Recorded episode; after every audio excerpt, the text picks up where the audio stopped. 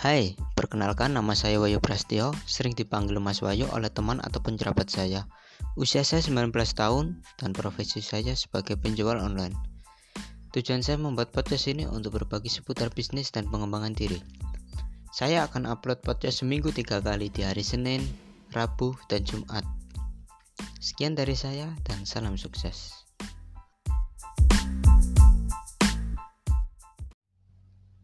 Hai, jumpa lagi dengan saya Wahyu. Pernah ngerasain sepi penjualan? Kalau pernah, sama. Kali ini saya mau menyampaikan pesan dari mentor saya. Dengarkan saat santai agar memahami apa yang saya sampaikan. Anda harus paham, kalau jualan sepi itu bukan masalah, itu wajar. Ada tidaknya pembeli, yang penting Anda tawakal dan berserah diri kepada Allah Subhanahu wa. Apalagi kalau Anda baru jualan, Gak usah nentuin target tinggi-tinggi seperti kata mereka yang sudah mahir jualan. Kalau Anda lihat penjualan orang lain dan dijadikan motivasi, itu oke. Okay.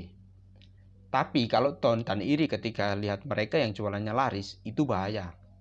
Nah, dulu waktu jualan, saya juga seperti ini, ya sekitar 2 tahun yang lalu. Jualan itu proses, 1, 2, 3 bulan penghasilannya segitu saja, it's okay. Namanya juga baru belajar, ntar juga ketemu pola jualannya. Nah, yang salah, kalau jualannya sudah lama, tapi hasilnya segitu saja. Masalah penjualan itu ada dua. Yang pertama sepi orderan, yang kedua cara menawarkannya yang salah. Kira-kira dari dua masalah ini, mana yang sering Anda hadapi? Kalau dua hal di atas sudah paham, selanjutnya tinggal perbesar penghasilan. Caranya gimana mas? Jual ke banyak orang secara online. Tapi ada syaratnya. Next time akan saya bahas. Nah, saya doakan semoga jualan Anda laris manis. Sekian dari saya, salam sukses.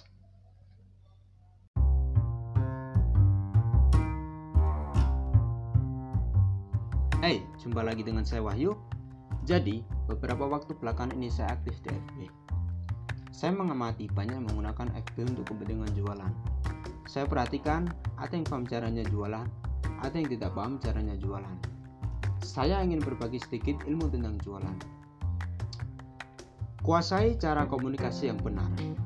Semakin bagus cara komunikasi dengan prospek, semakin besar omsetnya. Komunikasi yang bagus itu gimana? Simple. Singkirkan saja ego.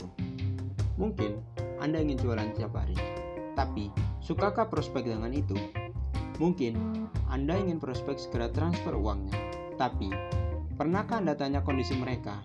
Siapa tahu uang prospek Anda digunakan untuk kebutuhan yang lebih penting. Saya sering dapat prospek seperti ini, dan mereka akan transfer saat uangnya ada. Saat komunikasi, singkirkan ego, gunakan bahasa prospek. Gimana tuh mas bahasa prospek?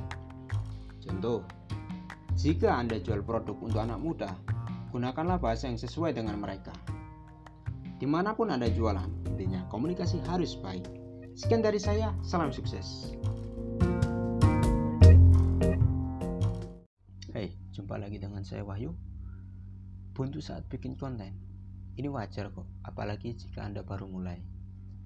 Tips dari saya agar dapat ide untuk konten. Pertama, menonton YouTube. Kedua, membaca buku. Ketiga, mencari tempat baru. Sekian dari saya, salam sukses.